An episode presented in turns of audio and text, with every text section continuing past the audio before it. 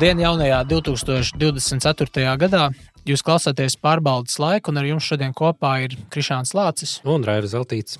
Mēs ar vienu kāju vēl esam iepriekšējā gadā, un vēlamies šodien šajā sarunā pieskarties diviem tādiem lieliem blokiem, divām sarunas daļām. Pirmajā daļā mēs parunātu par jā, iepriekš jau daudz apvīļāto un daudz piesaukto partnerības likumu pieņemšanu un arī Stambulas konvencijas ratifikāciju tieši mēs par to parunāt tādā nu, nacionāli konservatīvas e, skatījuma ietvaros, ko nacionāls teikt un kā konsekventi nacionālisti varētu uz šo reaģēt. Un otrajā sarunas daļā mēs varētu tiešām pievērsties pašam šim vārdu savienojumam, nacionālismam un konservatīvismam, bet īpaši reaģējot arī uz šobrīd jau pāris mēnešus notiekošo un solīto konservatīvās domas konferenci Demos LV. Bet nu vispirms par uh, Sāksim partnerības likumu uh, ar ļoti interesantu, es teiktu, orbelisku nosaukumu Neprecēto pāru partnerības institūtu iedibināšanu uh, no nacionāli konservatīvām pozīcijām. Un, protams, man ir mikrofons, un arī pirmā reakcija man šķiet, nacionālists skatās apkārt, pirmkārt nav zaudējis saikni realitāti, un nacionālists arī domā par savu tautu un domā par savu tautu kā veselumu, kas ir nevis statisks lielums, bet turpinās cauri laikam. Tāpēc ļoti izšķiroši svarīgi ir nākamo pauģu vispār nevis vienkārši kvalitāte, bet rašanās kā tāda. Un Latvijā latviešiem ar dzimstību ir tā, kā ir dzimstība lielā mērā ir atkarīga arī no šīs pašas savienības, kurā bērni vispār radās. No viena vīrieša un vienas sievietes savienības. Bērni var rasties dažādos apstākļos, viņi var rasties nejauši, viņi var rasties ārpus laulības, bet nu, kā jau daudz un, un, un pavisam visos iespējamos rakursos pēdējos 10, 20, 30 gados, kopš LGBT kustības spēkā pieņemšanās, jau ir visos iespējamos veidos atspēkots. Un, un, un es nezinu, vai jēga vēlreiz šos argumentus uh, vēlreiz pieminēt. Uh, viss, par ko arī gan arī austošā saules lapā daži raksti ir bijuši, par ko Telas divus, trīs gadus ir daudz rakstījuši, un arī vēl pirms uh, visiem šiem pēdējo divu, trīs gadu nu, jā, konservatīvo saņemšanās, ja tā varētu teikt, sasparošanās jau pēdējos 30 gadus, tiešām, ko dažādi cilvēki teikuši un rakstījuši. Tāpat Baiba Rudevska, Juris Rudevskis, eh, baznīca pārstāvji, arī dažādi nacionālisti.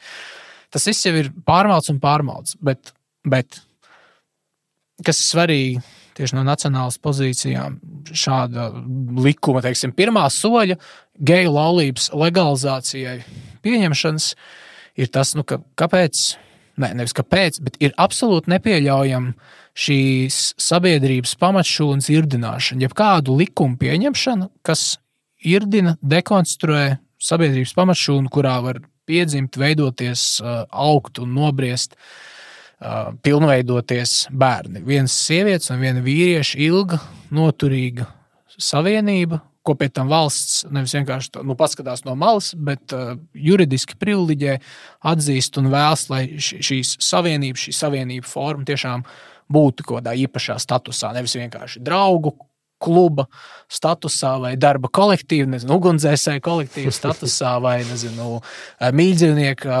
savienības kaut kādā reģistrācijas statusā, vai nu, kāds mēs tik varētu izdomāt formas. Varbūt tiešām vienīgais tas pieņemamais variants, pieņemamā inovācija, ko, nu, kur varbūt mēs daļai būtu varējuši piekāpties, ir šis, ko arī iepriekšējais sēmas sasaukums piedāvāja. Mājasēmniecības institūts Un tur varētu atrast veidu, tiešām, kā vecmāmiņa varētu dzīvot kopā. Kādā tiesiski pasargātā formā ar savu mazdēlu, kuram tur varbūt vecākiem kaut kas nav sanācis. Jā. Tur mēs būtu varējuši piekāpties. Nu, tā, arī, tā ir realitāte. Arī nu, es pats zinu tūs cilvēkus, kur vecākās paudzes nu, vienkārši lai vieglāk nomaksātu rēķinus. Jā, ir cilvēki, kas dzīvo kopā vienā saimniecībā šajā gadījumā te ir arī tā nu, vispār loģiskā kļūda vai nu, kaut kāda tās loģikas neizvēršana līdz galam. Nu, tad, ko tieši caur šo partnerību jūs gribat konstatēt? Nu, to, ka divu cilvēku starpā ir seksuālas attiecības, tad kā tieši valstī to konstatēt un kāpēc tas ir vajadzīgs? Uh, jo nu, tā, tā kā ir tā prasība no LGBT aktīvistiem. Tas ir arī šī pašreizējā likuma Jā. piedāvājums. Tur vairs nav ne tās vecmāmiņas un, un, un mazdēli, ne, ne kuras būtu diezgan apvainojušās. Varbūt, ka viņas, viņām mēģina pierakstīt kaut kādu šā, šādu virzienu. Cilvēki vienkārši dzīvo, lai nomaksātu rēķinus, jo kariņam ir jālidinās uz Eiropu. Nevis tāpēc, ka viņi grib, lai viņus atzīst kā identiskus divu pāru savienībai, kur var rasties bērns, kas nav pilnīgi identiskas situācijas. Tātad, nu, labi, ar šo jauno tātad grib panākt, ka valsts atzīst, ka divu cilvēku starpā ir seksuāli. Starp citu, kāpēc divi? Jā, arī. Bet, nu, tātad valstī ir kaut kā jāatzīst, ka, ja viņiem ir seksuāls attiecības, tad viņi ir arī līdzvērtīgi ģimenei. Es, es tādu retorisku jautājumu uzdodu, jo man nav. Ši, visas šīs iniciatīvas sabrūk pie nu, tādiem elementāriem jautājumiem, kas šķiet nu, arī uh, kaut kādas sekas, nu, vispār kaut kādai domāšanas un izglītības kultūras tādam sabrukumam. Jo nu, vienīgais, kas caur šo tiek risināts, ir kaut kādas nedefinējamas nu, psiholoģiskas prasības pēc atzīšanas. Nu, pamaniet mūs, atzīstiet. Tātad jūsu prasība ir, ka valsts ir tā, kas maksimāli mēģina reglamentēt cilvēku personiskās attiecības. Tas ir tas, ko mēs gribam, jā, lai valsts piemēram, sāk reglamentēt draudzības, ja, darba kolektīvus, pieregistrē, piemēram, kā tu minēji, ugunsdzēsēju, kluba biedrus, nu, un tad atzīst to kā tādu sociālu formu. Nu, tur, tur ir loģisko problēmu un, un, un, un seku ir ļoti daudz, bet nu, tā galvenā saka ir, jā, ka šajā visā nu, tā ģimene un vienīgais iemesls, kāpēc valstī iejaukties pieaugušu cilvēku intīmajā dzīvē, ir, lai aizsargātu bērnu un veicinātu tautas attaudzi. Tas tiek devalvēts. Tas vienkārši atbīdās, jo nu, pieaugušiem egoistiskiem individiem gribās, lai viņus pamana, atzīst ciena. Nu, ne tikai pamana atzīst tie pieauguši, uz ko arī šis velk, un, un ir skaidrs, kā tas tā, tālāk virzīsies. Un mozaika jau pati teica, nu, ka šis nav pietiekams risinājums, tas vajag spērt nākamos brašos soļus. Nu, jā, jo viņiem vismaz ir skaidrs tas viņu. Nu, Jo vienotība liekuļo, viņi visu laiku kaut ko mēģina iestāstīt, ka tas nav tas, vienlaikus jā, jā, jā, tas ir tas. Tas ne, kā, ne, neuzbruk ģimenei. Un, un, jā, un tas nemaz nav par gejiem, bet vienlaikus rekā mēs tur progresējam, bet tas ir tā kā, jā, nu, tad, tad vismaz tur minoritāšu šo te aktīvis, viņi vismaz saprot to savu grupas definēto interesi. Tad tā vismaz būtu vēl godīga saruna, bet nu, vienotība kā parasti duļķo ūdeni. Un... Jā, jā, jā, varbūt tiešām daudz interesantāk ir pievērst uzmanību, kā tiek racionalizēti šie nu, jā, ekstrēmistu uzstādījumi. Mums varētu progresīvo pozīciju šajā jautājumā ir grūtāk, grūti nosaukt savādāk kā par ekstrēmistu pozīciju, bet nu, tā ir tā konsekventā pozīcija, ko viņi grib sasniegt.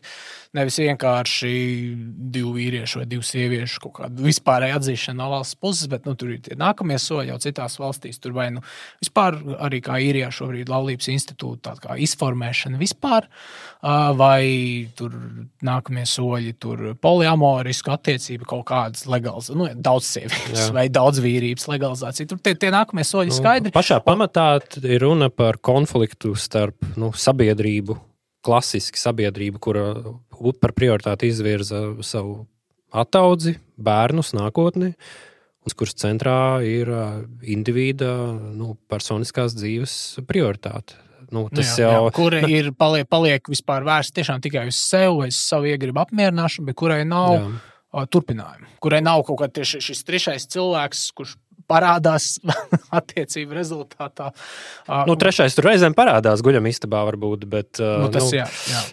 Jā, jā, jā. bet, bet jā, un šis modelis. Nu, Viņš nav pārbaudīts. Nu, mēs nevaram uzskatīt, ka dažas desmit gadus, ja kaut kas tāds ir pastāvējis tur Nīderlandē vai kur, uh, ka tas ir izturējis laika pārbaudi nu, tādā tautas pastāvēšanas kontekstā. Nekur, nekur senajā pasaulē nekad laulības institūts nav bijis paplašināts uh, līdz formai, kurā tas būtu vienzimuma uh, vai, uh, nu, vai nesaistīts ar bērniem. Pat, pat tur, kur ir bijušas kaut kādas vaļības, teiksim tā. Nu, tas, ka Tas, ka tur kāds Romas imperators prātā seju un sevi identificēja ar citu dzimumu vai. vai... Ar ezeli arī. Ezeli tu pa senatoru, man liekas, iet jā, jā, jā. Bet, bet jā, nu, tas, nu, labi, tas, tas paraugs.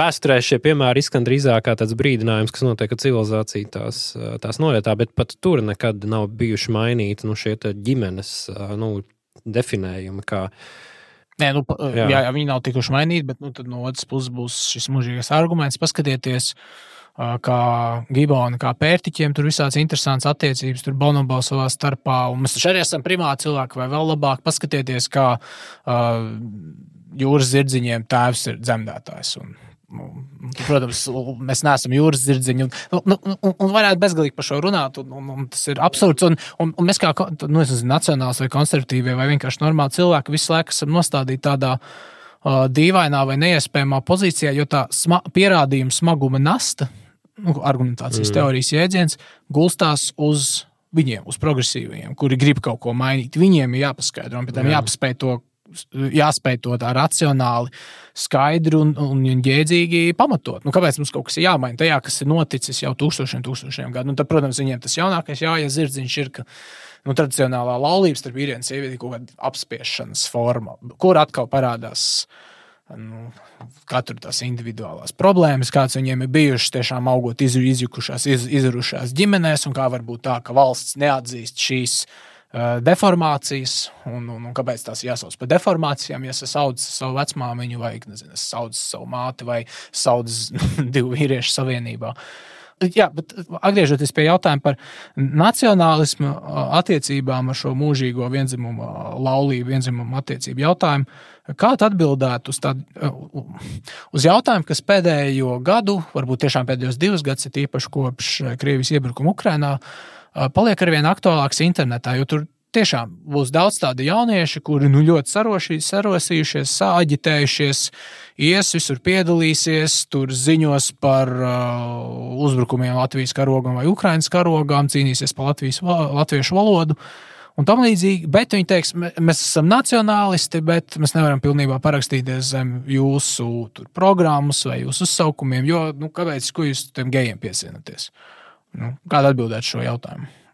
Nu, man jau šeit es atbildēju uh, iepriekš, uh, runājot par šo būtisko. Es nekad neesmu šo laulības devalvācijas jautājumu skatījis kā geju jautājumu, teiksim tā. Mm. Uh, konservatīvs nav vispār par to, nacionālisms arī. Nav par to skaidrs, ka vienmēr ir bijuši homoseksuāli cilvēki un, un vienmēr būs tādu vai citu iemeslu dēļ. Uh, Nē, esmu kvalificēts spriest. Jebkurā civilizētā sabiedrībā, likuma varas sabiedrībā, neviens tāpēc nedrīkstētu ciest. Nu, teiksim, man liekas, tā ir tā kopīgā lieta, pie kā, nu, kā vajag vienoties un, un, un vajadzētu vienoties. Es negribētu dzīvot Palestīnā, kā progresīvie, kur nu, gejiem tiek cirstas galvas nost. Viņi met no mājām nost. Jā, es tā negribētu nekādā gadījumā. Līdz ar to tas nav jautājums par to. Jautājums ir par to, jā, par sabiedrības modeli, ko mēs izvēlamies. Vai mēs izvēlamies modeli, kurā ideāls tomēr ir tautas ataudze un valsts privileģē šo formu, kopdzīves formu, kurā ir bērnam objektīvi vislabākie apstākļi. Pirmkārt, pirmkārt lai viņš var rasties, un otrkārt, lai jā, tiesiskais ietvers, jo valsts iejaukšanās mērķis nav atzīt, pamanīt, bet gan aizsargāt, iejaukties, mm. lai aizsargātu. Valsts ir varas mehānisms, nevis uh, māte, kurai visi mīļi, bet gan valsts ir varas mehānisms klasiskā politiskā izpratnē, kura iejaucās tikai tur, kur tu absolūti vajag, lai kādu aizsargātu. Vai tas būtu likuma vara, vai šajā gadījumā ģimene kā juridiska forma, lai aizsargātu bērna intereses. Un punkts. Un tas stāsts ir par to.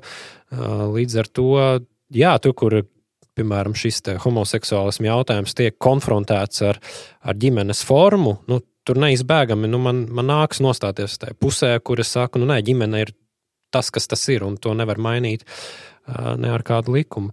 Nu, ko var aicināt šiem nacionālistiem? Nu, iedziļinieties, lūdzu, tajā konservatīvajā, es teiktu, reāl, reālismā balstītajā uzstādījumā, kurš nav, tas nav ne naids, ne, ne kaut kāda neiecietība. Nu, tā, tā vienkārši ir veselā saprātā balstīta pozīcija. Nu. Tā ir arī jēdzīga, jēdzīga vārdu lietošana. Mēs nevaram par ģimeni saukt to, kas nav ģimene. Mēs nevaram par laulību saukt to, kas nav laulība. Mēs nevaram e, sirsnīga darba kolektīvā, attiecības, viņu Ziemassvētku ballītē vai jaungada ballītē Jā. saukt par kaut kādu jaunas ģimenes formas, tādu mirklīgu izveidošanu. Tā ir sevis mānīšana, un tā ir īstenībā, ja mēs runājam par bērna interesēm, tad uh, bērna interesēs nav mānīt viņu vai, vai pēc tam viņam kā pieaugušiem iestāstīt, ka nu, uzaugt, uh, uzaugt bez abiem vecākiem, bija objektīvi tāpat kā uzaugt ar abiem mīlošiem vecākiem. Uh, nu, nē, nu, jebkura, jebkura statistika un pētījumi apliecina to, ka objektīvi labāk ir, ja bērnam ir abu vecāku līdzdalība viņa, viņa audzināšanā. Un, kaut arī, ja mēs runājam par tādu interesi, mēs gribam iespējami veselīgāku sabiedrību, iespējams stiprāko sabiedrību, kas sastāv no stipriem individiem. No stiprām ģimenēm arī. Tad, tad tas ir tas modelis, kas jāveicina. Nu, tīri atkāpē, nu, es pats arī bērnībā es esmu no izjukušas ģimenes. Manas, mana prasība nevienā brīdī nav bijusi, lai valsts tagad atzīst, ka man bija kaut kā nu, tādi objektīvi labākie apstākļi, jo, lūk, manā, manai vientuļai mātei bija tur jārūpējās. Nu, nu, nē, man bija izjukusi ģimene, nu, tā ir realitāte. Tas, ko es varu darīt, ir kā tēvs šobrīd rūpēties par savu bērnu. Uh, Jo tas, ko sanāk, tad valsts šobrīd atzīst, ka, nu, principā jau tēvs var arī nebūt. Nu, tā, kad Jā. satversmes tiesa. Tā, bez tēva var iztikt. Satversmes tiesa atzina, ka mātes partneri lesbieta ir tas pats, kas tēvs būtībā. Nu, tas ir, ja mēs runājam par cieņu, ko tagad prasa no valsts un atzīšanu, tad, nu, tad varbūt sākam ar to, ka atzīstam nu, to bērnu radītāju vienu vismaz no diviem tēvu. Jo pretējā gadījumā nu, tā vienkārši ir liekulība, nu, tā ir necieņa arī. Jā, jā, un arī tā ir atsacīšanās no bioloģijas tādiem pamatfaktiem, jo uh, otrai pusē patīk visu laiku runāt par lomām, par tādām, tādām dzimumu lomām, vai dzimšanas lomām. Un ka tēvs tad, nu, tad vienā, tad, tad, labi, es runāšu tieši, atnāk šī lesbieta, un viņi spēlē tēvu, viņi uzņemās tēva lomu, bet viņi nav tēvs, viņi nav bioloģiskais tēvs, un, un viņi var izlikties pa tēvu, es nezinu, spēlēt futbolu labāk, bet Jā. viņi nav tēvs. Pat vīrietim ir grūti ieņemt tēva lomu, ja viņš nav bioloģiskais tēvs, nu, objektīvi. Jā. Jo bērnam, tie, kas ir lasījuši par psiholoģiju un, piemēram, par bērniem bērnu namos vai adoptētajiem bērniem, nu, viņi zina, ka tā tieksme atrast tos bioloģiskos vecākus un panākt to viņu atzīšanu, nu, tā ir visstiprākā ziņa vispār, kas, kas var būt. Un pateikt, ka nu, tas, tas nekas nav, jā, tas ik viens ar to lomu paspēlēt un, un, un tēvu vienkārši izņemt no vienādojuma, tie vienkārši meli. Un, tā, neviena sabiedrība, kas veido savas sociālās struktūras un likumus balstoties melos, nu vienkārši nav ilgspējīga. Un vēl noslēdzot par šo tēmu, mēs esam etnonacionālisti vai neaustošā savu. Un, un, un vairākas reizes arī pārbaudas laikā esam runājuši tieši par etnonacionālismu tēmu, to nošķirot no, nu, no pilsoniskā vai valodas nacionālismu. Un es teiktu, tas visciešākajā veidā sasaistās ar šiem mēģinājumiem uh, un arī pretošanos mēģinājumiem izļodzīt. Nu, izļodzīt ģimenes organiskos, arī bioloģiskos pamatus. Mēs sakām, mēs, mēs arī tāpat kā mēs uzsveram, ka nu, nav tā, ka var jebkurš cilvēks atbraukt uz Latviju un sākt spēlēt Latviju, uzņemties latviešu lomu. Tur ir kaut kādi nosacījumi, kuriem jāizpildās, lai mēs vispār atzītu, pirmkārt, viņu pa piederīgu savai kopienai, un otrkārt, lai es vispār varētu viņu nosaukt par, par Latviju kā tādu. Mēs tomēr teiktu, ka uh, būtisks latviešu pamatlielums, pamatīpašība vai raksturlielums ir tas, ka nu, tu piedzimst pa Latviju, vai ka vismaz viens no taviem vecākiem ir Latvijas. Ka tomēr ir šī garā tavu senču līnija, šī nu, ne obligāti iedzimtība, bet nu, jā, piedzimšana, ka tu piedzimst pa Latviju. Ka tas nav kaut kāds ko tu izvēlējies. Tas ir kaut kas, ko tiešām tev ir iedavuši rokās un ar ko tev jārēķinās un kas tev jāapzinās. Un, Un tas pats arī normālās, veselīgās, dabiskās ģimenēs. Tu gribi zināt, kas ir tavs bioloģiskais tēvs, tu gribi zināt savu izcelsmi, savu piedarību, no kurienes tas ir radies, kas ir tavs tēvs, kas ir viņa tēvs. Ģimenes līmenī tas pat vēl ir fundamentālāk, jo nu, tā tautības apziņa, nu, senči var būt ļoti dažādi, vai ne? Varbūt etniski augtas ģimenes, un tad, tad tur vēl ir šis gribas elements, nu, piemēram, viens vecāks, viens tautības, otrs, otrs, un tad, nu, Un tad ir jāpielieto griba. Un tad ir šī vēlme, griba identificēties. Uh, savukārt, nu, ja mēs runājam par ģimeni, par cilvēku izcelsmi, nu, viņš neizvēlās, ka viņam ir divi vecāki, no kuriem viens bioloģiski ir sieviete, un otrs bioloģiski ir vīrietis. Katram ir uh, savas spējas un uh, pienesums, uh, ko viņš var dot šajā audzināšanas procesā. To, to neviens neizvēlās. Tas ir vēl vairāk, vēl pat vairāk dots nekā tautības. Tas ir, bet, nu, ja mēs uh, skatāmies nu, šo liberālismu programmu, kā viņi strādā, nu, tad jau viņi iet ar vien dziļāk, dziļāk šajos fundamentālajos līmeņos un noliedz. Uh, nu, ja var noliegt arī tālāk, jau nākamajā dziļākajā līmenī cilvēka dzimuma realitāti, nu, tad tas jau ir komplektā ar šo te, nu, noliekt tautas realitāti, ģimenes realitāti un tālāk jau individa identitāte tiek nu, atrauta no realitātes. Nu, kā, nu, ir nākamais, tas ir process, jā. Jā, šis ir nākamais uh mhm. -huh. dokuments, nākamā tempa, ko mums jārunā. Tas ir viens, tad viens veids, kas ir beidzot, ko mūsu pretinieki ir izlauzuši cauri, tie pirmie brašie soļi ģimenes institūtā dekonstrukcijā Nākamais solis, kas ir jau arī aizbrauc, gandrīz aizbraucis vilciens, lai gan nu, nekas no šiem nav aizbraucis vilciens. Pietik, tu tikai ir pietiekami apņēmīgi politisko gribu, politisko spēku, kurš pasakā, ka mēs to atcelsim, viss aizmirstam. Tas nav, nav apspriežams. Uh, jā, un otrais, lūk, šis aizbraukušais vilciens, daļai aizbraukušais ir Stambuls konvencija, kas uh, vienā vārdā uh, mēģina Latvijas ties, tieslietu sistēmā ieviest šo nošķīrumu starp bioloģisko dzimumu un sociālo dzimumu vai dzimtas lomu. Kas arī izgājis cauri, tas formālais iegansts, tāpat kā par daudzām citām tēmām, ko mēs iepriekš esam runājuši, ir mēģin, nu, mēģinājums reaģēt uz šo postpadomu sabiedrības vardarbību, bet patiesībā tas ir vienkārši, nu, kā es saku, iegansts, atruna. Krieviski teikt, atmaska, lai pieņemtu atkal nu, šīs visstrakās lietas, kas Latvijai ļautu, nu ne Latvijai, bet drīzāk šiem pieņēmējiem ļautu saistīties modernākiem, eiropeiskākiem, skandināviskākiem. Un vienlaikus arī ļaut nodibināt jaunu uzraudzības institūciju, jaunus ierēdniecības amatus, kuros apgūt naudu. Nu, tādējādi arī, protams, mazinot uh, nacionālo neatkarību, nacionālo suverenitāti, ieviešot jaunu sfiru, kas uh, vēl vairāk sasien uh, rokas suverēnam, kas ir Latvijas tauta. Nu, vērojot to, kas notiek informatīvajā telpā par šo tēmu, tad uh, nu jau, man liekas, kādu desmit gadu garumā vismaz, varbūt nedaudz mazāk. Tad tāda sadalīšanās divās nometnēs un absolūtā nu, nedzirdēšana tajā, ko tu tikko minēji. Um, šo, šo argumentu nedzirdēšana ir jau nu, tāda hroniska, un nu, tur droši vien nekas nemainīsies. Viena puse viņa bīdīs cauri, un otra mēģināja apturēt, un, un, un, un šobrīd, šobrīd tas ir diezgan aizgājis. Jau.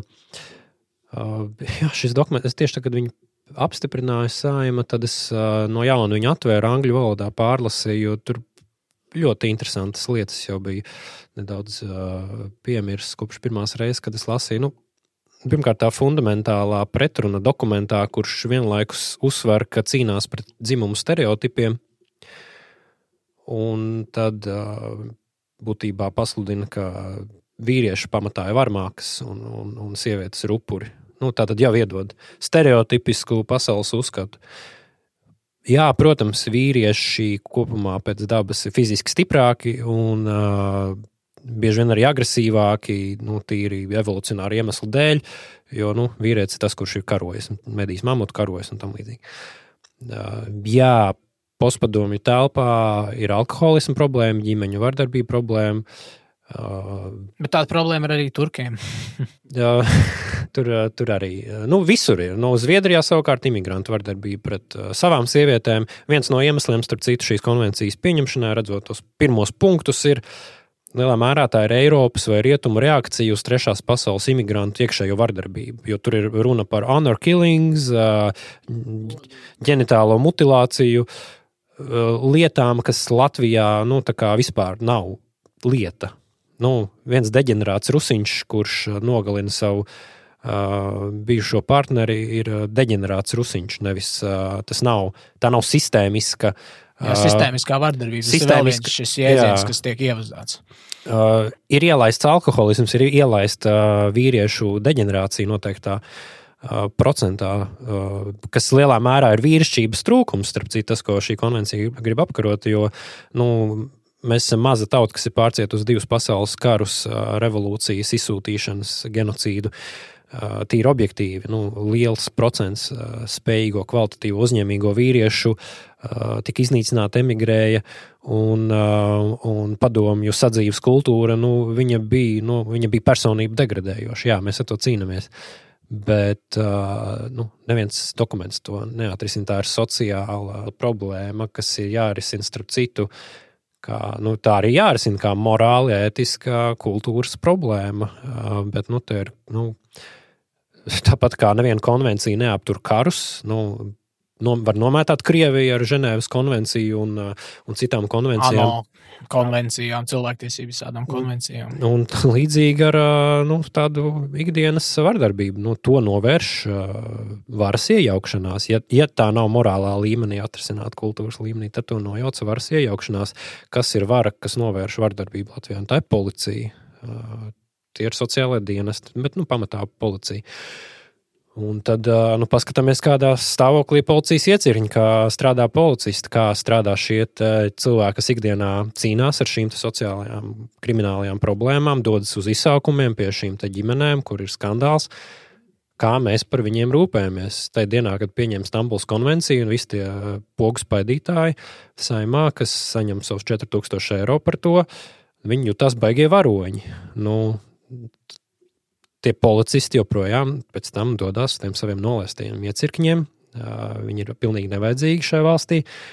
Un, tie jau ir tie, kas pēc tam risina šīs sociālās, sociālās problēmas. Nerunājot par nu, izglītības sistēmu, nu, vai, mēs, vai tā ir vērsta uz to, lai nu, atrisinātu šīs postpadomju sabiedrības traumas. Nu, īpaši nē.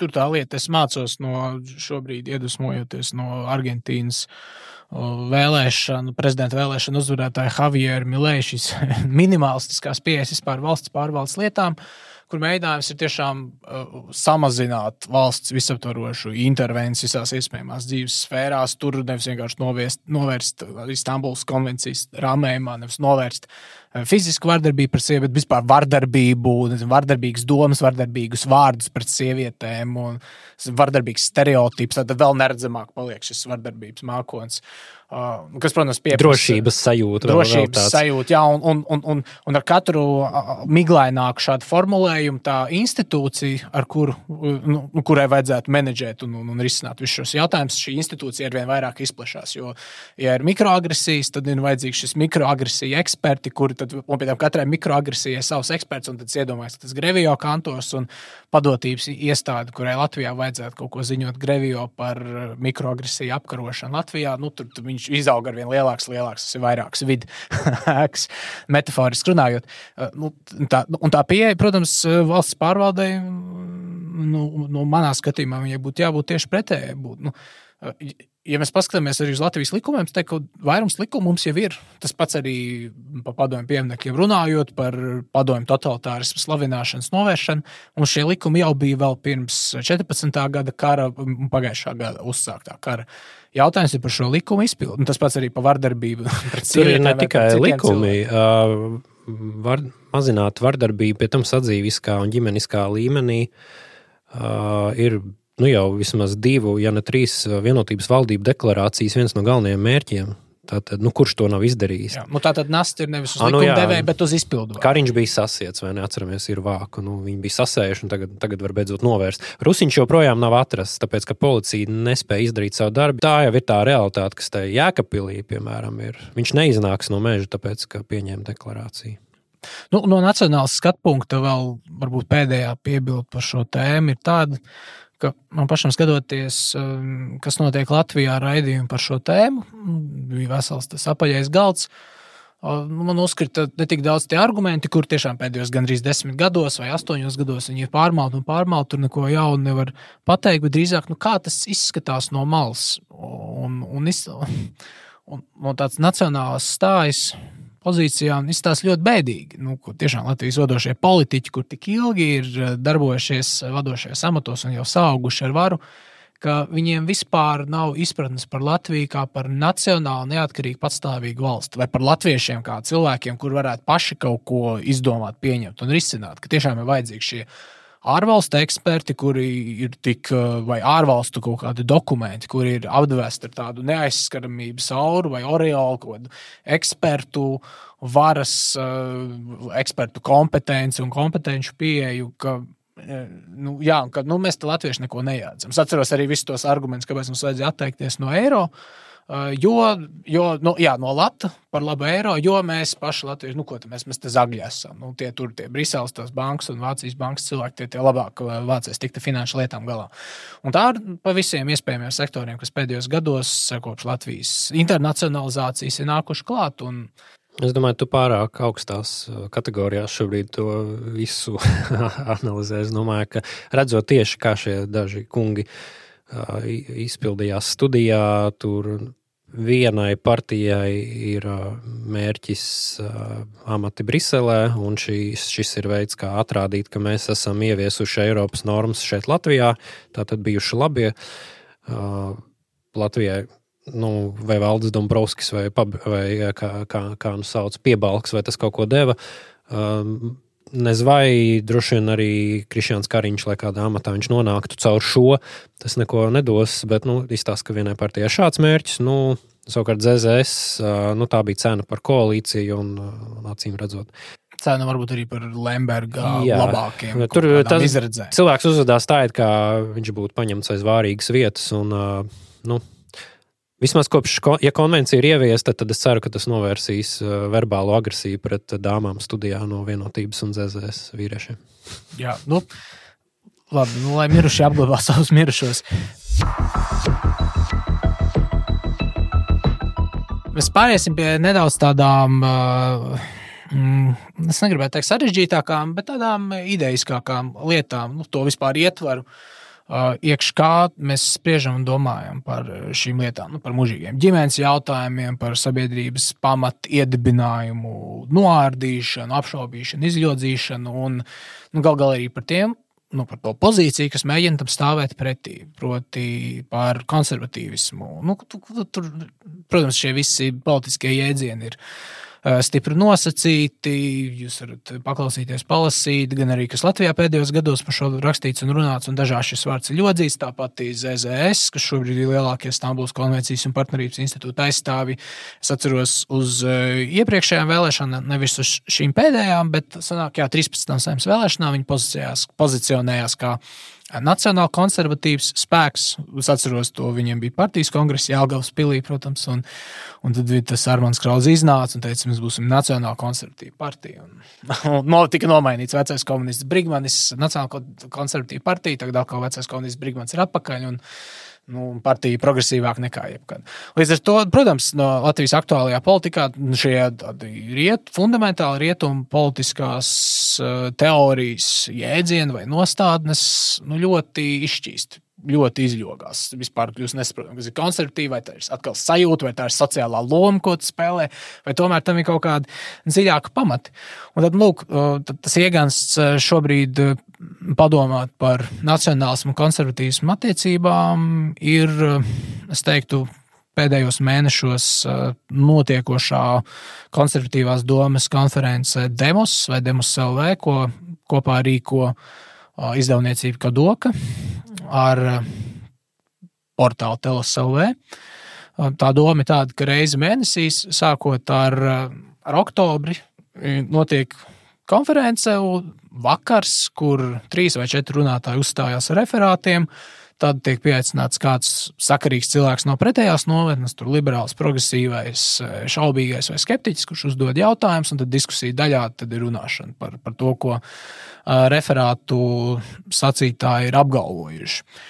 Nu jā, kāds tev iespējas par šīm konferencēm līdz šim? Kā viņas, kā viņas tavuprāt, ir izskatījušās? Man ir sanācis būt uz vienu Diemžēl netiku uz nākamo. Iespējams, ir vislabākais uz šo brīdi. Es ceru, ka šis virziens tiks noturēts tāds, kāds tas ir šobrīd.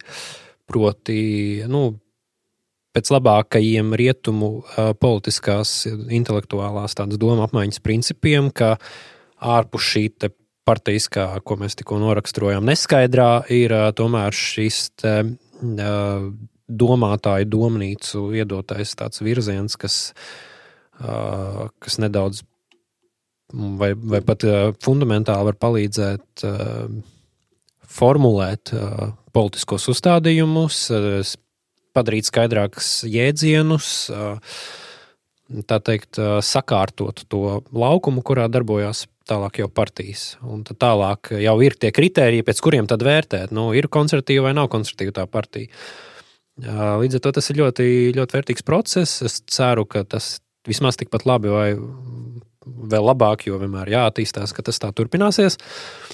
Um, pirmajā konferencē tika iedots ļoti, manuprāt, uh, spēcīgs uzstādījums un uh, skaidrs virziens, kas nolīdzvaroja uh, risku izšķīst uh, tādās uh, teoretizēšanās un jēgas pārbīdes iedzienos, jo ir tendence koncertīvo intelektuāļu vidē tomēr arī jā, nu, šīs konkrētās problēmas, nu, nemitīgi tiek pārdefinētas jaunās, jaunās kategorijās. Tātad, nu, ja pretruna bija tāda, tad mēs tagad teiksim, ka īstenībā pretruna ir starp to un to.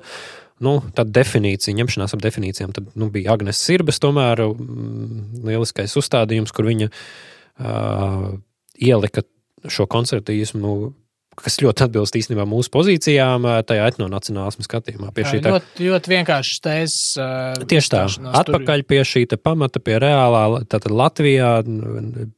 Mēs vienmēr mums ir jāatgriežas pie latviedzības, pie latviešiem, pie mūsu pastāvēšanas. Latvieši pie... kā cilts, latvieši kā arī ģimene, Jā. ģimenes, kuras veido šo ciltu, tātad dzimstības veicināšana. Un valstī nevajadzētu pārāk jaukties reliģijas lietās, traucēt reliģijas lietām. Nu, ļoti vienkārši. Un, un, Līdz ar to es ceru, ka arī šī vienkāršība un, un skaidrība tiks noturēta.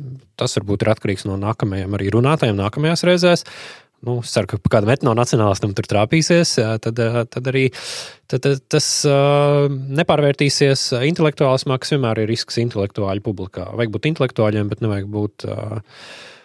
Nu, nonākt abstrakciju kaut, kādos strupceļos. Jā, nu, mūsu doma, veidojot šīs konferences, bija tāda, nu, ka mēs arī nodarbojamies ar eiropeizāciju kaut kādā ziņā Latvijā, bet es teiktu, nu, tādu patieso eiropeizāciju, nevis to, kas tiek kopš 45. gada uzskatīts par eiropeizāciju, kaut kādas pārnacionālas pārvaldības struktūras, cilvēktiesības, kas neko neizsaka, pātrināts progress, tā līdzīgi. Bet nu, Eiropa fundamentālās un pamatīgās Eiropas lietas, kur tiešām arī uh, nu, konservatīvisms, bet, nu, vispār, bet ne tikai nu, Eiropas vai nezinu, rietumu pasaules pilsoniskajā sabiedrībā, vispār politikas uh, veidošanas un arī līdzdalības. Uh, politiskās līdzdalības uh, nodrošināšanā ir bijis svarīgi, nu, ka tiešām pastāv domnīcas, pastāv konferences, pastāv regulārs viedokļu apmaiņas, kas, starp citu, arī, protams, 19. gadsimta nogales Latvijā un arī starpkara periodā bija pašsaprotama. Nu, šī visa intelektuālā kultūra, sabiedriskās diskusijas veidošana caur, caur izdevumiem, publikācijām, apspriešanos, polēmiku, medijos, dažādos, kaut kādu dažādu biedrību un tīklošanās pastāvēšanu. Un tas viss bija, un, protams, Padomju Savienība to visu noslaucīja, mēs joprojām 30 gadus taustamies un mēģinām kaut kā atjaunot šo nu, sabiedriskās dzīves, smalkiem vārdiem izsakoties, nu, infrastruktūru vai nezinu, kaut kādu organisko tīklojumu, kur tiešām ir dažādi kanāli, kā cilvēki paši organizējās, biedrojās un darbojās. Es pat uzsvērtu, ka jā, tieši mēs to mēģinām atjaunot, jo partijas nav interesētas tajā. Man bija kāda laika ilūzija, ka partijām būtu tā loģiskā interese veidot ap sevi šo te, nu, kultūrālo infrastruktūru lauku, lai tad šīs savas idejas un ideoloģiju varētu nu, sekmīgāk īstenot tālāk politiskajā, parlamentārajā sfērā, bet nu, tā izpratne nu, nav izaugusi līdz tam. Tad atliek tādiem brīvdomīgajiem, bezparteiskajiem aktīvistiem arī būt tiem, kas veido. Un tālāk jau ietekmē partijas uh, no malas. Jā, jā, jā nu, arī ja lasa tā divi arī ieja, kur tēma ir pilsoniskā sabiedrība un tā divi kažoka, protams, visi angažēti liberāļi. Kad viņi saka, liber, kad viņi saka pilsoniskā sabiedrība un nevalstiskās organizācijas, viņi redz dēlnu, viņi redz um, nezinu, centrus Marta mūsdienās, viņi redz Sorosa fondu, un tas ir viss tā ir pilsoniskā sabiedrība, un Soros fondu vispār ir grūti nosaukt par Eh, pilsonisko sabiedrību, šī jēdz, eh, pilsoniskās sabiedrības veidotāja šī jēdziena klasiskajā nozīmē, ka uh, Soros fonds ir tik sen sapulcis ar dažādu Eiropas valstu institūcijām, ka to vispār ir grūti nosaukt par nevalstisku sabiedrību. Tas ir daļa no valsts aparāta sastāvdaļas būtiski. Ir grūti nošķirt, bet uh, par cik tiešām konservatīvie Latvijā ir iedzinējos, uh, un, un viņiem nav naudas. Un, un, un viņi tikai mēģina radīt kaut kādas atse, nu, neatkarīgas, paralēlas institūcijas un, un, un, un, un, un tīklus. Uh, nu, jā, tas, tas tiešām mēģinājums, jā, tas, tas ir mēģinājums uzbūvēt sabiedrību un arī politikas ietekmēšanas sfēras no, no, jā, ne tikai no ārpuses, protams, nevalstiskām pozīcijām, bet arī no lejas. Nevis no augšas, bet no lejas. Ar cerību, protams, ietekmēt augšu kaut kādā brīdī. Jā, ne, tas ir, protams, absurds uh, uzskatīt, ka pilsoniskā sabiedrība ir dažas ļoti dāsni finansētas NVO, kur. Startautiskās NVO. Kur uh, nu, laika gaitā viņas ir tik uh, nu, jau institucionalizējušās, ka nu, tas ir algots darbs cilvēkiem, kur viņi. Uh, nu, Pilsoniskā sabiedrība tomēr drīzāk ir šis tā, nu, tas, ko mēs te darām ārpus sava darba laika un pa brīvdienām, protams, ir labi, ja ir atbalsts un, un, un ziedotāji, un, un nav vienmēr gluži jācīnās par, par eksistenci. Eh, tas viss ir baigi labi, bet, eh, bet mēs tiešām redzam īstu pašorganizēšanos. Un, eh, Jā, un mēs arī mācāmies kopā ar Jāzepu. Braucām uz NATO konferencēm, kas notiek Anglosfērā, Lielbritānijā, Anglijā. Jā. Lielbritānijā, ASV. Bijām aizbraukuši arī uz Nostas, kas ir tāds jauns, arī otro gadu notiek um, Skandināvu un Ziemeļa Eiropas konservatīvu noskaņotu idejisko darboņu, arī politiķu, arī nu, zin, literātu, un pētnieku un filozofu tāds konferenču tīkls. Un, nu, tas notiek, mēs vienkārši mācāmies no tā, ko dara konservatīvie citās valstīs. Un, Un ļoti labi, ja arī nacionāli šādos, kas ir principāli nacionāli šajos pasākumos, uh, tiek pie mikrofona un var paust savu pozīciju. Un tas ir šis lielais jautājums, ko mums varētu atlikušajās minūtēs apspriest. Ir, nu, kā, tu, kā, kā tev pašam šķiet uh, nacionāls un konservatīvs attiecības savā starpā Latvijā? Cik jēdzīgi vispār šodien, kad uh, tiešām Stambuls konvencija pieņemta, partnerības institūcija izbīdīts cauri, nemaz nerunājot par to, visu, kas ir rietumos noticis. Uh, kāds tik lietas nav pieņems. Nu, ko, vispār mēs vēl varam saglabāt? Kas ir tas konservē? Kāpēc saukt sevi par konservatīviem? Ja tas arī man bieži vien domāju par sevi, ja gribētu uzsaukt sevi vairāk par revolucionāru, nevis par konservatīvo, ņemot vērā to visu, kas notiek apkārt. Tagad vajag konservatīvs kā vārds, kā jēdziens, kā uh, nezinu, politisks karoks, uh, nu, ir labs. Tas ir ļoti labs jautājums šobrīd, tīpaši, kad šī konference aktualizē konservatīvismu tēmu, kad tojas nu, jau arī vēlēšanas Eiropas parlamenta, gan arī diezgan ideoloģisks. Um, Nila Saksa, Konstantīnovā tvīts, kur viņš uzbrauca, bet varbūt pamatoti konservatīviem kā lūzeriem. Un uh, Rudevskim Jurim pirmajā konferencē viņš runāja par konservatīviem kā par skaistiem lūzeriem, citējot amerikāņu autors. Jā. Nu, Kurā gadījumā šis apzīmējums nav glaimojošs, pat ja skaistie. Un, uh, tas uh, tas bišķiņi liek uh, nu, sasproties un izvērtēt. Uh, ja, ja jēdziens ir, šis jēdziens koncertīvisms ir labs tādā ziņā, ka nu, mēs pasakām, mēs esam koncertīvie, tad visiem ir skaidrs, uh, šajos jautājumos, ko, ar ko mēs sākām raidījumu, kurā pusē mēs esam. Tas ir tāds nometnes apzīmējums kaut kādā ziņā. Un arī Latvijas medijos šis vārds pārsvarā tiek lietots tādā nozīmē. Jā, nu, līdz ar to tur, tur tas neprasa jautājums, ko tas nozīmē. Uh, bet tad pienāk šī konference, un izrādās gan prasa jautājums, definī, definīciju un uh, jautājums jā, par to. Uh, kas tad ir tas, ko konservēt, kas ir tas, ko saglabā, kas ir tas fokus centrs. Viņš aktualizējās. Tā arī otrās konferences tēma bija, kas ir mēs. Jā, tas, manuprāt, mēs kā organizācija.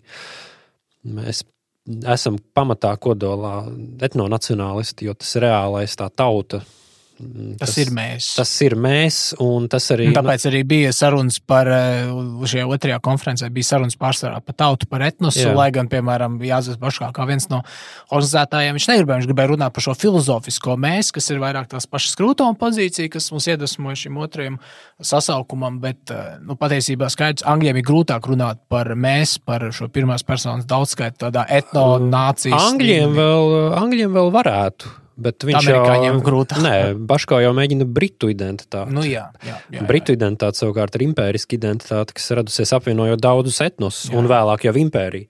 Mm. Līdz ar to nu, tas nav tas, ko mēs varam pārcelt uz, uh, uz Latviju. Bet jā, no tāda etnonacionālisma pozīcijām tas, kas ir jākonservē, ir tauta, jeb jāsaglabā tauta. Ne tikai jāsaglabā, bet viņai ir jāplaukst.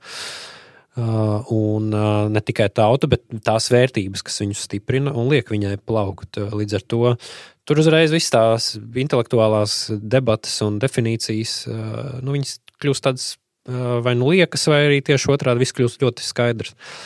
Un līdz ar to etnonacionālismā nav šīs te, nu, pretrunas starp uh, nu, kaut kādiem, ja vajag arī. Uh, sociāli revolucionāriem vai, vai valsts iejaukšanās mehānismiem, ja to vajag tautai.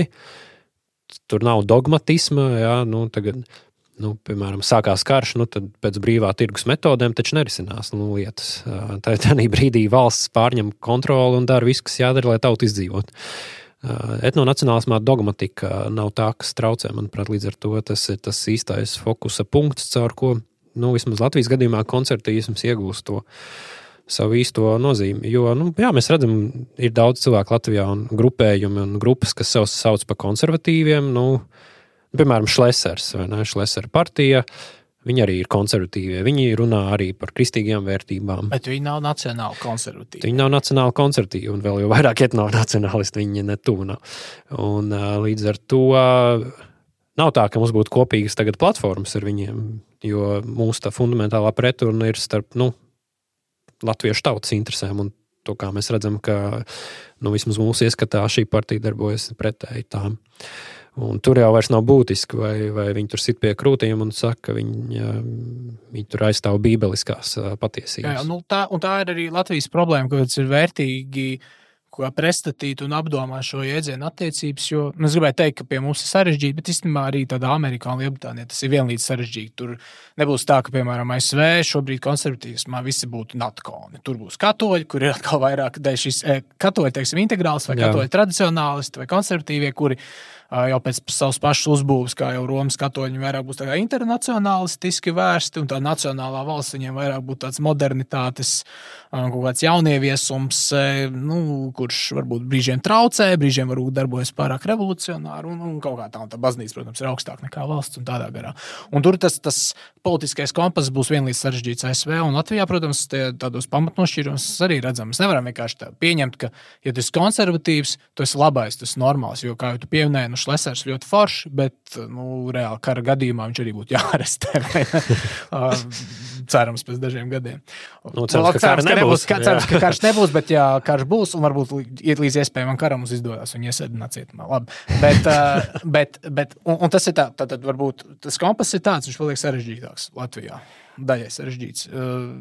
Tu vari būt konservatīvs, bet prokrievisks. Vai tu vari būt uh, uh, nacionāli noskaņots, bet liberāls. Teiksim, vienotība būs kā šie nacionāli noskaņotie, bet vienlaikus liberālie. Nu, jā, tas var būt tas pamatnošķīrums tiešām starp to varbūt nacionāli liberāls. Vai daži varbūt pat progresīvā balsotāji arī, teiksim, daži redzētu tādi Twitterī, kuri uh, kuri saka, nu, jums vajadzētu progresīviem vairāk iestāties par latviešu valodas tēmām un tur vairāk kaut kā pret krieviem, bet vienlaikus arī, nu, jā, mēs par gejiem, par progresu, par sociālo demokrātiju. Es vienotību nesaukt pie nacionālajiem. Jā, jā bet viņi, viņi sevi tā ir pasnieguši. Ļoti daudz, teiksim, vēlētāji, tīpaši vidzemē, ir tam noticējuši. Un, un, un nu, jā. tā arī balso. Tā, Latvijā tas ir sarežģīti un ir vērts par šīm attiecībām domāt. Un, lai cik arī pašam gribētos atteikties no šī termina konservatīvas, mēs nevaram atteikties, jo Un tie tāpēc, ka daudzi cilvēki Latvijā domā par sevi kā par konservatīviem. Protams, nav tā, ka visiem cilvēkiem būtu mm, saskanīga, sakārtota uzskatu pakete. Vairumam cilvēku ir vienkārši zviedru galds, un, un tad, protams, katrs ieliks kaut kādas savas sajūtas tajā konservatīvismā. Mēs atceramies, kas notika ar eh, JKP, ka nu, beigās bija šis mēģinājums eh, kaut kā citādāk izjust šo konservatīvismu. Es atceros Lampā, konferencē Lampa pagājušā gadā. Tur bija vesels panelis konservatīviem, tad viņu tie dažādie ministri nāca un, un deputāti un stāstīja, kā viņi sajūt konservatīvismu. Un ar mēģinājumu racionalizēt viņu dažādās politikas, piekāpšanos ģimeņu jautājumā un, un tam līdzīgi. Tur nāca tāda Anita, Anita Mūžniece, kas tur linkaits, runāja, protams, Bordāns, kā, kā viņi, nu, viņi mēģināja piedāvāt kaut kādu savu šo oriģinālo izjust to redzējumu, to, kas ir konservatīvs. Tā kā, nu, protams, ir, tā likumsakarīgā reakcija ir, nu, ka ir kaut kā jāmēģina definēt skaidrāk, kas tas ir, bet no otras puses, nu, nu, nacionālistiem ir, ir šī privilēģija, šis, šī iespēja pieturoties pie tautas, pie arī tautas kā etnosa jēdziena, safokusēt konservatīvas uzmanību. Kas ir tas, ko mēs gribam primāri saglabāt, primāri nodot tālāk, kā saglabāšanas vērto lietu vai kā šo svētumu, kas ir jāizsargā, vai kā skrūtons, teiksim, arī citās konservatīvas definīcijās, ka konservatīvas ir mīlestības filozofija. Tās ir lietas, ko mēs mīlam, ko mēs augstu vērtējam un cienam un godājam ko mēs vēlamies, lai tās saglabājās, un mēs vēlamies to nodot kā mantojumu nākamajām paudzēm. Ka, nu, viņš tur citē to bērku, ka teiksim, konservatīvs ir mirušo vai de, mirušo demokrātiju, nu, dažādo pauģu tālāk nodot to lietu, uzticēšana. Nu.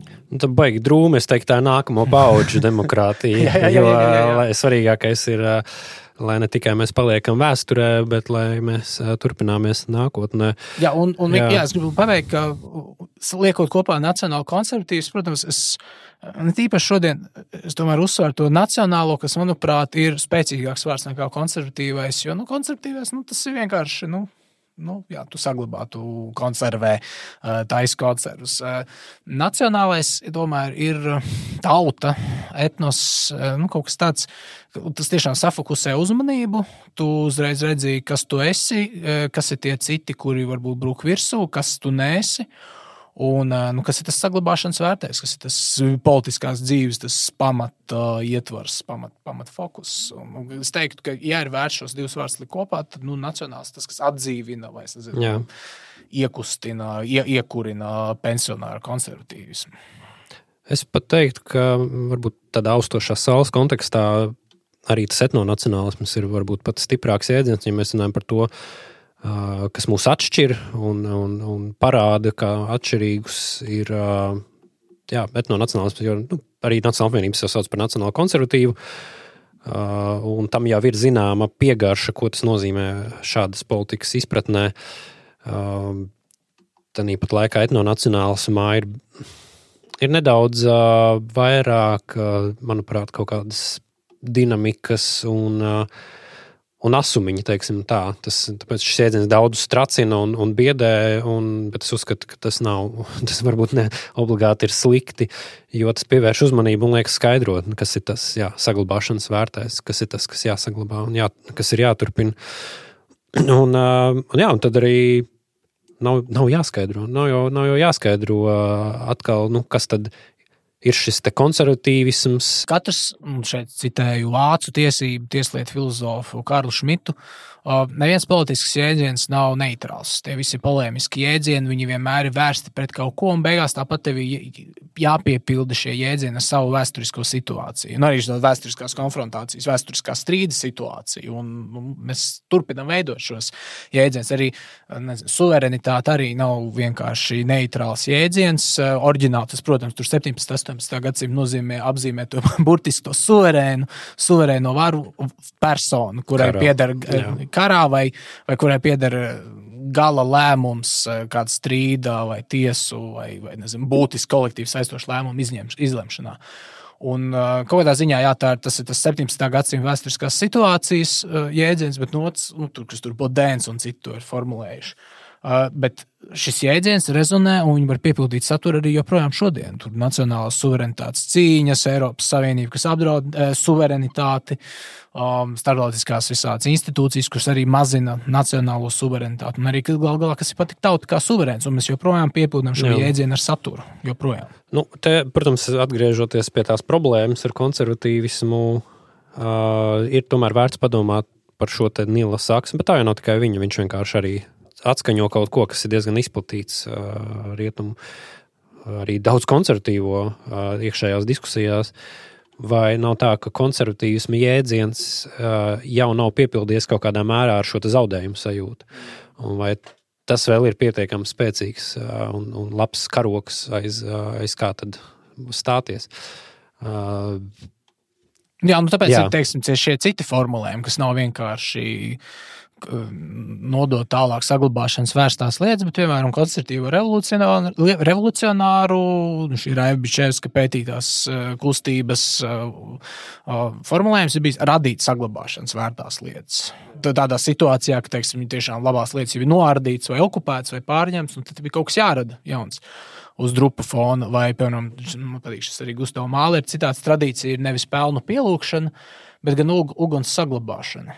Un, un tieši tādā, un tāpēc ir varbūt tiešām vērts runāt par nacionālu konservatīvismu vispār nacionālismu kā tādu, jo tā nav vienkārši nu, kaut kādu nu, jā, pagājušo tradīciju, šo pelnu pielūgšana, nu, tāda, kāda mēs bijām, tur nezinu, pastāvās. Nu, tas bija forši, bet, tas bija forši, bet nu, vēsture iet uz priekšu, nu, un ka viss, un ka latviešu stāsts arī ar to beidzās. Latviešu stāsts turpinās, un, lai stāsts turpinātos, nu, tā uguns jākurina. Ir jāsildās pie uguns, kura vajag veidot jaunus līdumus, un jaunas sēdes, un būvēt jaunus pavardus. Latviešu tauta nemirst, un nav arī tikai rezervāta materiāls. Latviešu tauta turpinās. Un, Un, un, un tas ir tas, jā, teiktu, šis, šis, šis moments. Uguns saglabāšana, nodošana tālāk, un jaunu uguns, kur iedegšana, piemēram. Tas ir tiešām kāds tēls izmanto, lai enerģizētu, padarītu konservatīvismu vai šos konservatīvos instinktus, par kuriem patīk runāt, stiprākus. Uh, pirms mēs noslēdzam, varbūt tiešām tas ir, protams, garš jautājums, bet uh, vai Latvijas sabiedrība ir konservatīva? Mēs kaut kādā ziņā jau tam pieskārāmies, proti, vai vispār ir nu, tas kaut kāds kā demogrāfiskais, elektorālais potenciāls runāt par šo jēdzienu. Un pēdējie pētījumi, ko es esmu atradzis par šo tēmu, ir bijuši pirms nu, jau laikam desmit gadiem. Un to laiku bija šī pretruna starp cilvēku pašidentifikāciju, kur vairums pieklājīgi atbild un domā arī, nu, tā kā pieklājīgi būt liberālam, modernam, tad arī atbild, ka nu, ir moderni, eiropeiski liberāli cilvēki. Tāpat laikā, kad uzdod jautājumu par konkrētām vērtībām, tad nu, kopumā sabiedrība vismaz pirms desmit gadiem uh, absolūtu vairumu būtībā izrādījās ir etnonacionālisti vai vismaz nacionālisti. Latvieši. Jā. Uh, Latvieši ir vēl vairāk. Bet, jā, jā, jā. Nu, kā, jā, uh, nu, Krievi arī ir etnonacionālisti. jā, bet nu, es vēl padiskutētu, vai etnonacionālisti. Uh, nu, tur, tur imperiālisti drīzāk. Uh, konservatīvi un, uh, un arī sociālisti, kas bija nu, jā, nākamā pretruna. Bet uh, kopumā jau cilvēki nedomā ideoloģiski.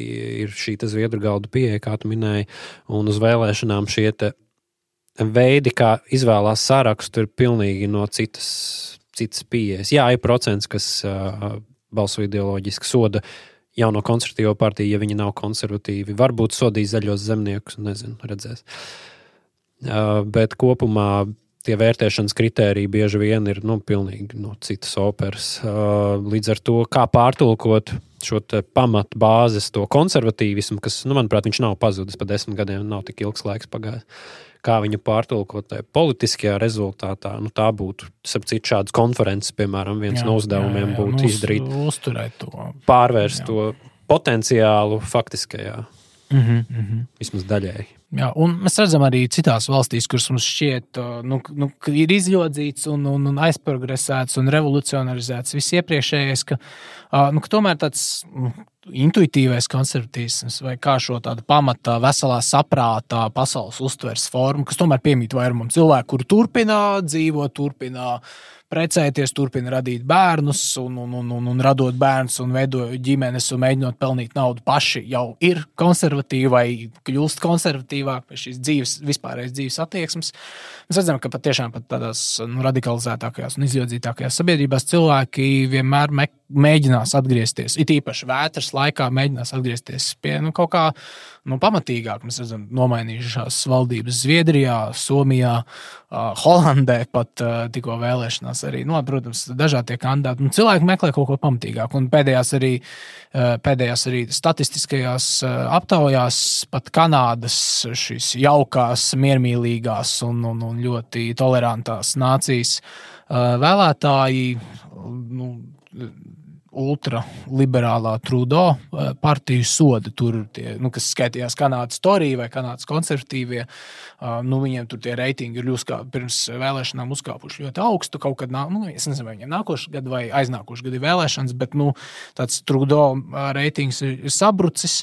Un, un ir jau arī par ko. Tur viss tie Kanādā kā tik protesti nav bijuši pret valdību, tur tie kravas mašīnu šoferu protesti, uh, nebeidz pieņemties starptautiski kontroversi vispār par Kanādas eitanāzijas likumiem, ka nu, tev ir grūti, uh, tu meklē sociālo atbalstu, tev ir depresija, tu piezvani uz Kanādas to viņu palīdzības tālruni. Viņi saka, nu, mēs tev varam palīdzēt, vai tu neapsver, tur, mēs tev varam iemidzināt un atvieglot tavas ciešanas. Un cilvēki to vienkārši redz, ka uh, tiešām tas ir šo laiku tādu tāda pozitīvā lieta, ar ko noslēgt, ka nu, šīs radikālās, eh, revolucionārās, progresīvās, eh, nu, noārdošās, dekonstruējošās idejas ir sasniegušas, it īpaši pieķeroties dzimtas un dzimumu jautājumiem, viņas sasniegušas to tādu galējo formu, nu, ka cilvēki redz, nu, tas ir absurds. Nu, tā ir pašatspēkojoša pozīcija, kas novar pati sev, un tad cilvēki meklē eh, tālāk. Mēs redzam arī tā pati, nu, kaut, kaut vai, nu, labs piemērs ir, kas pie mums telosā raksta tāda Kristīna Upeniece.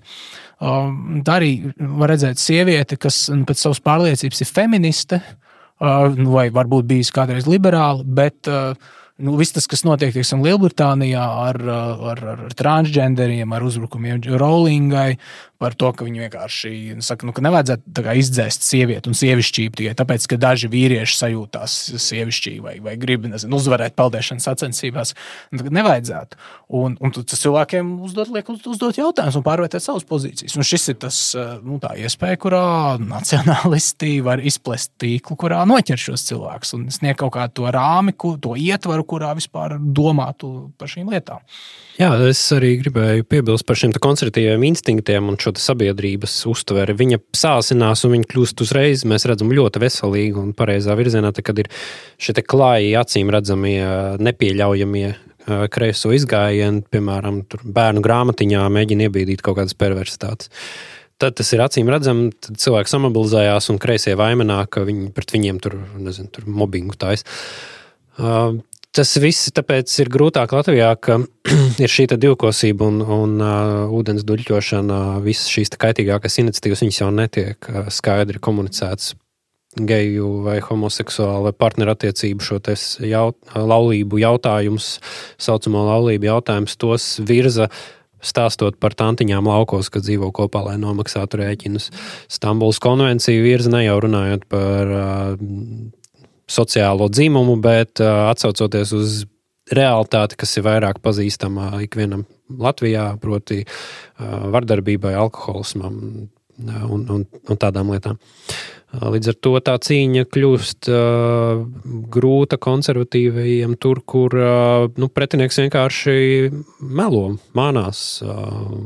Bet kur pretinieks nonāk tādos absurdos, uh, nu, kur jebkurš sevi cienošs cilvēks saka, nu, viņš nevarētu iet kopā ar šiem. Nu, ja, ja cilvēks redz, ka Uh, marksists, progresīvais, trotskists, uh, cilvēks atbrīvošanas un vienlīdzības cīnītājs un cilvēktiesību cīnītājs iet kopā maršos ar, ar uh, arābu teroristu atbalstītājiem, ar Hamas atbalstītājiem. Nu, tur vienkārši nelīmē. Nu, tu negribi būt kopā ar šiem cilvēkiem. Šeit man tāda provokatīva doma, varbūt to kreisumu vajag pātrināt, lai viņam tas, tās viņu īstās izpausmes un īstā daba parādās tik klāji un acīm redzami ka tā pretreakcija ir daudz ātrāka un efektīvāka. Jo, jo, jo ilgāk tas vilksies caur šādiem māju soļiem, jo, jo mums būs grūtāk to, to apturēt. Tāpēc īstenībā mums pat paveicas reizēm, ja tur tie daži aktīvisti nu, reāli nejūt vispār, ka viņi ir Latvijas sabiedrībā un, un ka šeit vēl nav pieņemama.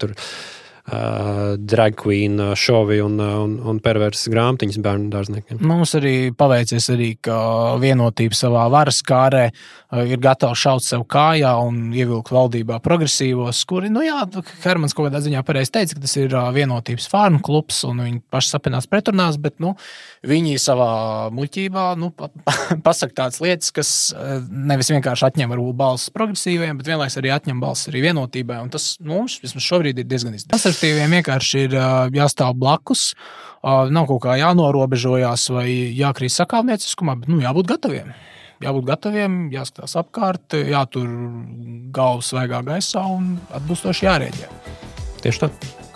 Ar jums kopā bija Krišāns Lācis un Raivs Zeltīts. Un jūs klausījāties pārbaudas laiku.